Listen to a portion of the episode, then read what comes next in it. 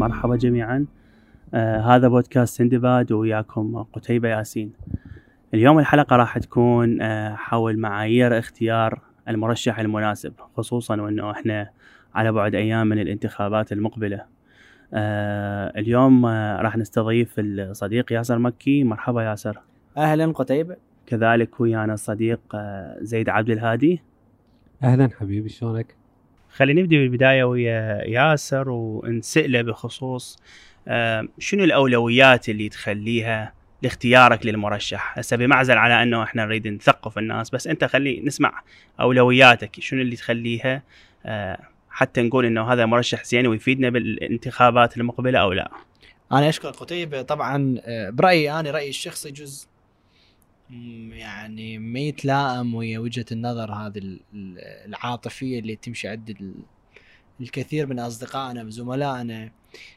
السقف العالي للطموح وانه ينتظر مرشح ملائكي ومرشح super perfect أو سوبر مان وهذا الشخص قادر على إنه يزيح الأمور كلها. لا هي أنا أشوف التغيير السياسي يأتي بشكل تدريجي.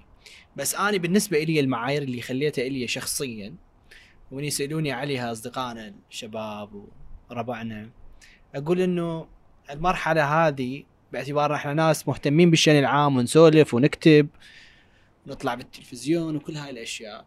آه، اللي يهدد التغيير السياسي واللي يهدد عملية الإصلاح واللي يهدد ازدهار هذا البلد هو السلاح اللي هو خارج الدولة السلاح اللي يقتل الناشطين يقتل الصحفيين يغتالهم في الليل آه، يهدد الشركات الاستثمارية سواء كانت عراقية أو أجنبية آه، يفعل ما يفعل له رجل له آه، يعني أذرع أخطبوطية داخل الدولة تحميه.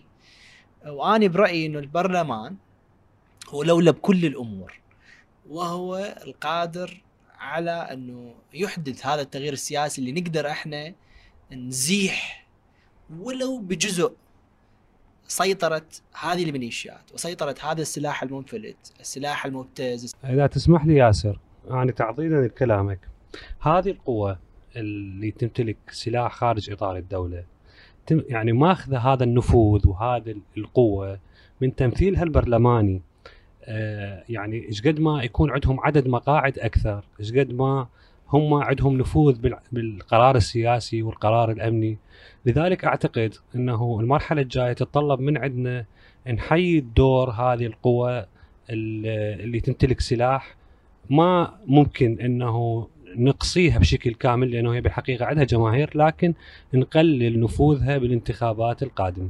أوكي آه زيد هنا أنا يعني اريد اتداخل وياك وأقول لك إنه كثيرة من هاي الأحزاب آه تستخدم شعارات المدنية هي ما تظهر نفسها بمظهر المسلح أو تلبس مثلا الزي العسكري أو غيره أو غيره ممكن يظهرون بشخصيات وبشعارات ثانية. فشلون نقدر نميز بيناتهم؟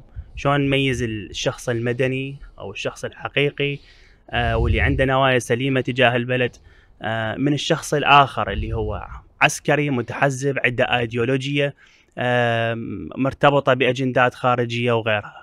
فعندك مثلا فد توصيف أو شلون نقدر نقول فد خطة أو مواصفات شلون نقدر مثلا آه نميز هذا المرشح عن غيره؟ نعم.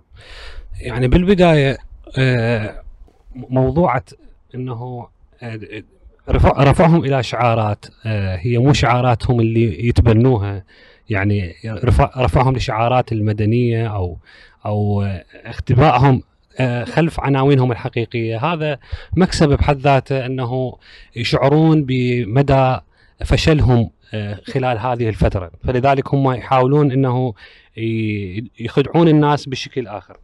آه، أنا أعتقد أنه ضروري نخلي فد منهجية للبحث عن المرشح اللي مؤمن بشكل حقيقي بالتغيير. بداية يعني أنا أعتقد أنه المجتمع هو مسؤول بشكل كامل عن خياراته. الاعتماد على آه، يعني الاعتماد على الآخرين أو اعتماد على الفتوى أو الاعتماد على آه، دون البحث والتقصي آه، هذا اتكال. يعني أنا أعتقد أنه بداية من مسؤولية المواطن إنه يبحث عن عن يبحث يبحث يبحث ويتقصى من خلال آه، اولا يعني الشعار اللي رفعه يعني شعارهم. هذا بالإمكان إنه تسوي search على على الفيسبوك أو على على الجوجل وتشوف هذا يمثل يا طيف يا يا توجه. يعني يبين إنه هذا الشعار مثلا نريد كذا أو نريد آه، يعني فد شعار معين هذا يمثل لك التوجه العام لهذا الطيف. آه، يمثل قوة سياسية قديمة يمثل قوة سياسية تمتلك آه، أجندة. هذا هذا أولا. ثانيا الموضوعة الأشخاص اللي متصدين للانتخابات. وما يطرحه من برنامج. هذا الموضوع أنا أعتقد آه، معيار جيد أنه تقيم هذا المرشح مناسب للانتخابات أو غير مناسب. بمعنى آه، هو نائب بالبرلمان آه، مقدم نفسه. ما معني بوعود مثل تبليط شارع أو تعيينات أو هذا يعني يكون بداية إحنا نحدد إنه هذا الشخص اللي منتخبيه رايح لدور رقابي تشريعي. شو يتطلب هذا؟ يحتاج إنه عنده خلفية بالقوانين عنده خلفية بالتشريعات عنده خلفية على العملية البرلمانية شلون شلون تدار آه، النظام الداخلي داخل مجلس النواب آه، أمور عديدة. آه شكرا آه زيد. هنا أنا بس أخلي أحول السؤال إلى آه ياسر. بمعرض كلامنا قبل شوي على أنه شلون نكشف هاي الجهة مسلحة أو غيرها إحنا نعرف أنه دائما أسماء الأحزاب أو أسماء الكيانات تحترق خلال فترة الانتخابات وبالانتخابات المقبلة تجيب أسماء مسميات جديدة. فإحنا نشوف هواية هسه اليوم. خلال هاي الانتخابات أكو مسميات تكتلات أحزاب جديدة تيارات جديدة. شلون أكشف هذا التيار عائديته إلى جهات خارجية جهات مسلحة أو غيرها؟ بمعزل عن الشعارات اللي يطلقوها. والله يعني أني يعني مرات يفاجئوني إن حتى البسطاء في السوشيال ميديا شفت مرشحين لأحزاب هي أحزاب جديدة قديمة أو هي مو أحزاب هي لا تؤمن بالحياة السياسية. هي مجرد غطاء سياسي مزيف لميليشيا تضرب القوانين والدولة عرض الحائط ولا تعترف بالحدود السياسية ولا أي شيء. بس أنا شفت أنه يعني فاجئني مستوى وعي الناس بحيث هذا المرشح الناس يطبوا له يعلقون عليه تعليقات جدا آه، حادة خصوص كونه هو مرشح مع جهة مسلحة أو مع قائمة تتبع جهة مسلحة. وهالشيء هذا آه، يدل على أنه أكو مشكلة. الناس تلتجئ للدولة مهما كانت هذه الدولة ضعيفة الدولة منخورة إلى آخره. بس ملاذنا هو أنه تكون أكو هاي الهيكلية هيكلية واضحة المعالم اللي هي الدولة. اللي أنا كمواطن مستقل ألتجئ لها. ما يعني كون البلد والدولة تقسم إلى ميليشيات وعشائر وجماعات ربحية وتكتلات معينة هذا ما يصب بمصلحتي كمواطن. فالناس هم تدور وتبحوش بحوشة كبيرة. وتجوجل على الشخص وتشوف تاريخه وتشوف كل هاي الأشياء. فالموضوع ما يتص... يعني هم هواي أنا ملتقي بسياسيين يتصورون الناس بهذه السذاجة. طبعا هم آه، يستخدمون نفس الحيل مرارا وتكرارا. فأنا معياري الشخصي باختصار هو يعني أعيد مرارا وتكرارا أنه لا تروح تنتخب شخص هو مجرد دمية لهذه الميليشيات. دقق في تاريخه دقق في خطابه دقق في آه، ما يفعله. التقي بي التقي بي. ممكن ممكن, آه، التقي بي صدق. أنت صديقنا محمد عنوز يقول إن القماش انت القماش مئة ألف مرة قبل ما تشتري تقلبه وتشوف الملمس مالته. من تشتري أي شغلة وهذا مستقبلك ومستقبلك أطفالك. وهذا مو حكي شعارات هذا حكي في الصميم. قلب هذا المرشح يا معود. سالفه يعني الطماطم يعني قلبها ألف مرة. يعني أنا أشوف يأسفني مرات يعني آه ويفرحني بنفس الوقت إنه يتصلون بي يقولوا لي ها المن ننتخب. يعني هو من باب ثقة آه، بي إنه يابا المن أروح أنتخب بس هو بالنتيجة خيار لازم أنت يعني تحسن الاختيار. يعني جزء أنا معاييري لل- للشخص المرشح تختلف عن معاييرك. فضروري إنه أنت تسوي آه، بحث وتتحمل مسؤولية هذا ال هذا ال ال الخيار اللي اختاريته. يعني ال- ال- الصوت اني أعتقده أمانة وضروري إنه تخليه بالمكان ال- ال- الصح واللي يستحقه. لي- ليلبي آه، الجزء الكبير من من متطلباتك لل- لل- للشخص. يعني أنا اريد أرجع على فد شيء أنت تكلمت حوله اللي هو البرنامج الانتخابي. طبعا أنت جزء هاي وجهة النظر ما تكون كلش دقيقة بس استخدموها جربوا تستخدموها. شوف الشخص اللي يهتم بالبرنامج الانتخابي عنده برنامج انتخابي آه، ومنظمة ومرتبة هذا هو حتى من يكون عضو مجلس النواب راح يكون مكتبة مرتب ال staff مالته مرتبين يهتم فعلا يعني مجتهد وجاد في عمله. بس هذا الكلاوجي اللي هو لا مخلي برنامج انتخابي ولا بطيخ رايح يقنع فلان وعلان وما عنده بنسأله وين بروشوراتك؟ وين website مالتك؟ إحنا إيش سوينا؟ ويا ويا مجلس محافظه السابق. ما عندهم email email ما عنده صفحة على ال على ال على ال على وسائل التواصل الاجتماعي صفحة محترمة ماكو يكتب إعلام النائب فلان الفلاني. ودائما باخطاء املائيه website ما عنده الاستعراض نتائج إيش سوى ما سوى. ما عنده اي شيء. شفافية ماكو. اني كمواطن إذا أشوف هذا الشخص اللي يمثلني سياسيا ما أقدر اوصل له ولا ولا أقدر أعرف جاي يسوي ما جاي يسوي. فالشخص اللي يكتب برنامج انتخابي وتشوفه مهتم به ومنظمه بشكل جيد وجرافيك حلو هذا شخص آه يعني منظم و- و- ويعني مرتب أموره. فأنا أقدر أنطي صوتي. طبعا أنا أعيد وأكرر إن القاعدة هو إنه لا تنتخب شخص. يعني يد- يدعو إلى إلى حمل السلاح. مو أقصد يناصر السلاح ومجاميع السلاح. أكو شغلة ياسر باعتبارك ذكرت البرنامج الانتخابي. أيضا أنا أشوف إنه دا يصير استسهال من قبل المرشحين بكتابة برنامج انتخابي أكو كثير من عندهم يستخدمون ال copy paste يعني ينسخ ويلصق البرنامج بدون ما يراعي له أهمية. الشغلة اللي أريد أقولها إنه على ال- ال- الشخص الناخب من يقرا البرنامج الانتخابي خلي يشوف واقعيته. أو هل ينسجم مع آه صلاحيات النائب بالبرلمان؟ يعني قد يذكر لك إنه البرلماني آه، المرشح يذكر لك إنه ممكن أعين كذا ما أدري شنو كذا. هاي خارج صلاحياته. صلاحياته هي تشريعية وتصلي أو تشريعيه ورقابية. بالتالي أني أحكم على البرنامج مالته خلال هالنقطتين. هل هو مقدم مقترحات قوانين؟ شنو دور الرقابي راح يكون؟ على أي مؤسسات راح يراقب؟ هذا أنا أقدر يعني أحكم عليه من خلاله. الشغلة الثانية اللي أريد أقولها إنه كثير من ال- الناخبين يشوفون إنه يشوفون إنه يقول لك ليش هو ليش مسألة ال يعني ليش ال- النائب أو المرشح يضحك على الناس بمسألة التعيينات. تدري ليش؟ لأنه هو فعلا عنده تعيينات. لأنه هو وحزبه اللي وراه يستخدم نفوذه للضغط على الجهات التنفيذية حتى تعطيه درجات وظيفية من تحت الطاولة. طبعا هذا يعني هو إحنا عندنا صلاح ال- ال- السلطات اللي هي مفصو يعني مبدأ فصل السلطات مبدأ يعني تؤسس عليه الدول ما موجود عندنا. النائب إحنا شفنا أكثر من فيديو إذا أنت تدخل على اليوتيوب راح تشوف أكثر من فيديو على اليوتيوب نائب يطب على مؤسسه دائرة حكومية دائرة المي والمجاري ما أعرف وين نائب طب شفتهم يصيح على على المدير. طيب هذا وين وين صايرة هاي فالنواب يستخدمون نفوذهم ويبتزون الدوائر التنفيذية حتى يعطوهم درجات وظيفية حتى ينقل فلان من مكان إلى آخر. وهذا طبعا أبد مو شغلة شغلة رقابي. رقابي بوسائل معينة بقنوات واضحة. يعني أنا لو كنت مدير دائرة أنا فعلا مدير دائرة. من يجيني نائب ما له صلاحية عليه. لازم صحيح. يجي بسياق معين. ما يجي أنا يبتزني.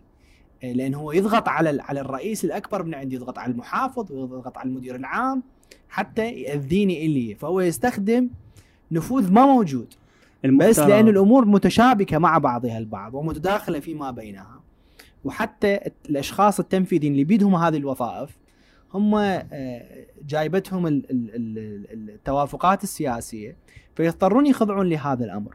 وهذا الأمر يجب أن يتم إيقافه عن طريق مراصد برلمانية. ما عندنا مرصد برلماني يتابع شغل البرلماني شو يسوون؟ ما يسوون. ما عندنا المجتمع ما عنده وسائل قوية لتقييم هذا الأداء.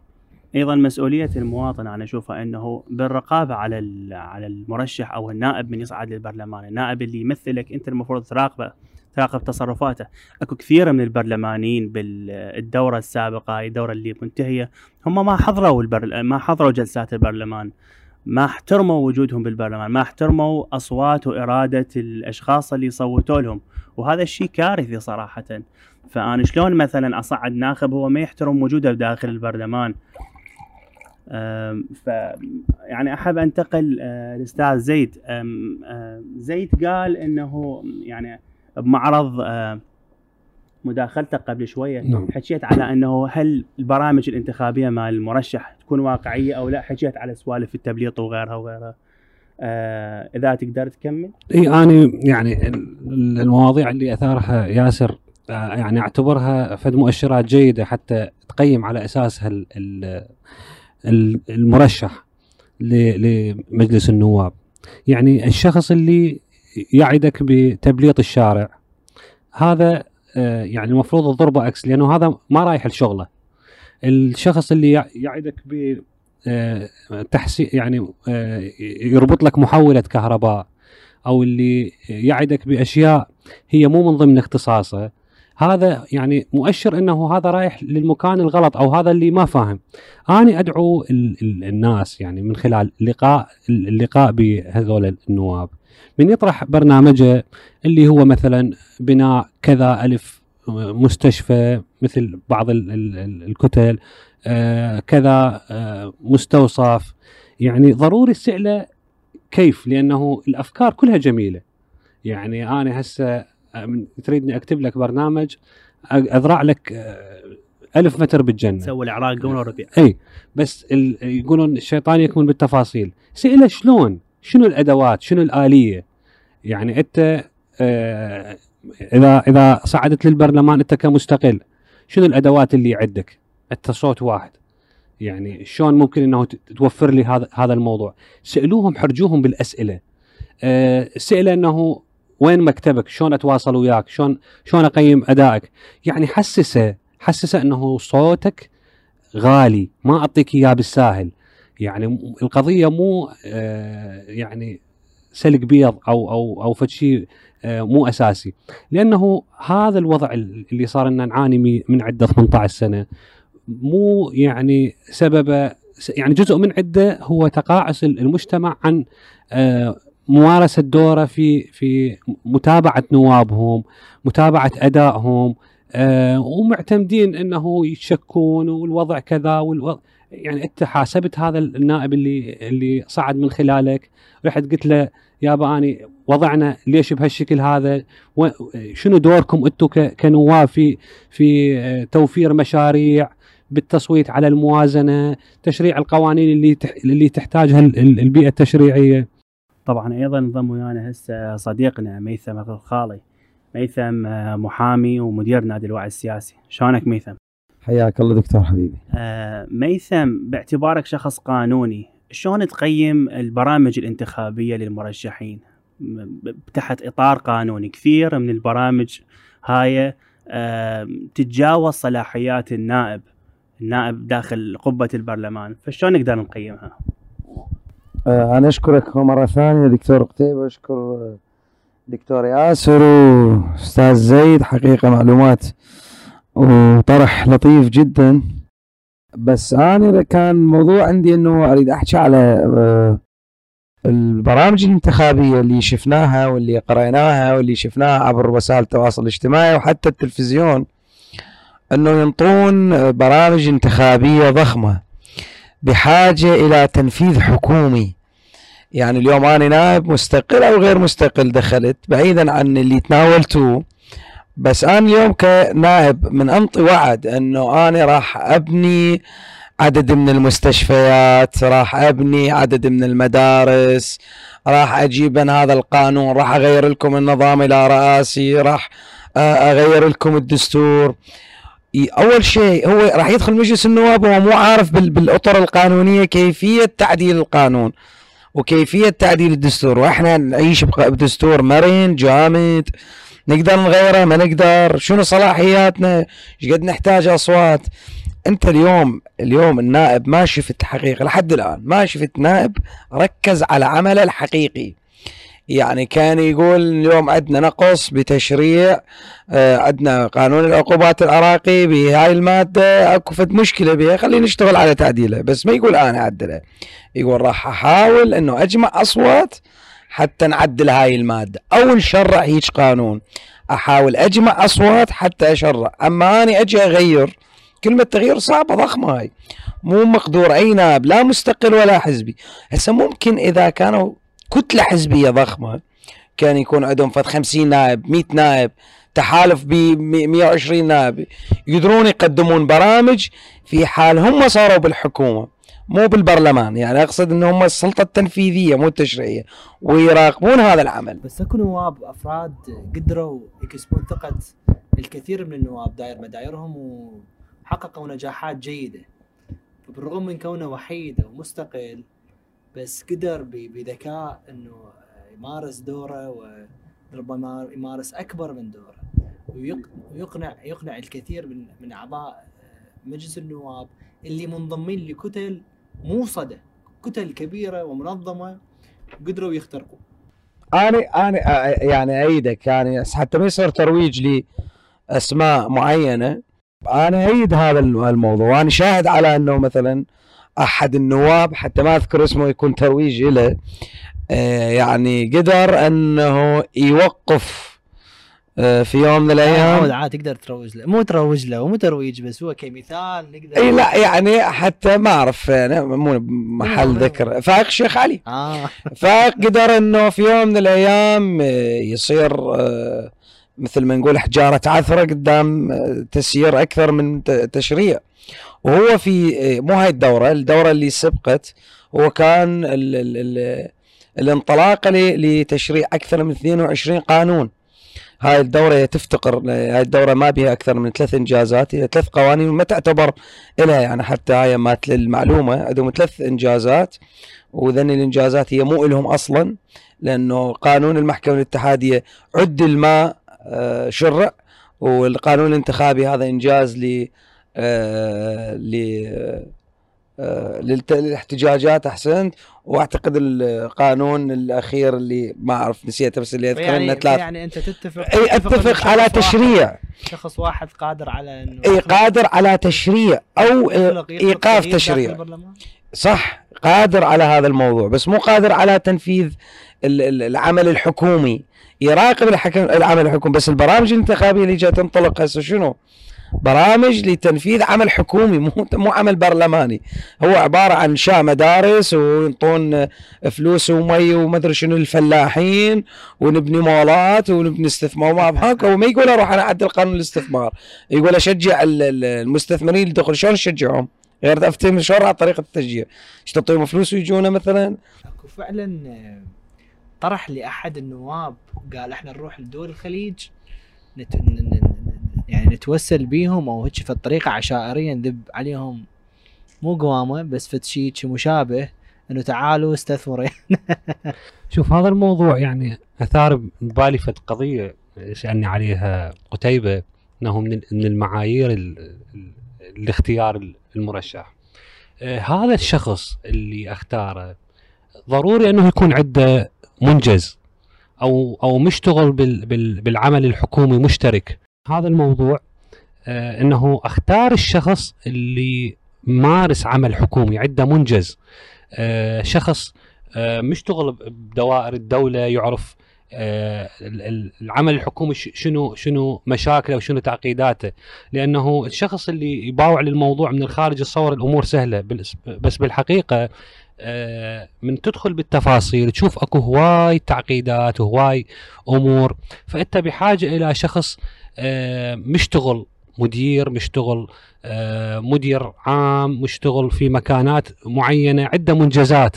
يعني أنا ما أميل للأشخاص اللي آه، يعني يرفع شعارات رنانه هو يصطدم بعدين بحاجز الواقعية من يروح ويطب ويشوف ال- المعمعة. آه، يعني ينصدم وبعدين يخيب آه، أمل جمهوره اللي اللي شو اسمه اللي انتخبه. لذلك أني أدعو الناس إلى انتخاب الشخصيات اللي عندها منجزات مشتغلة.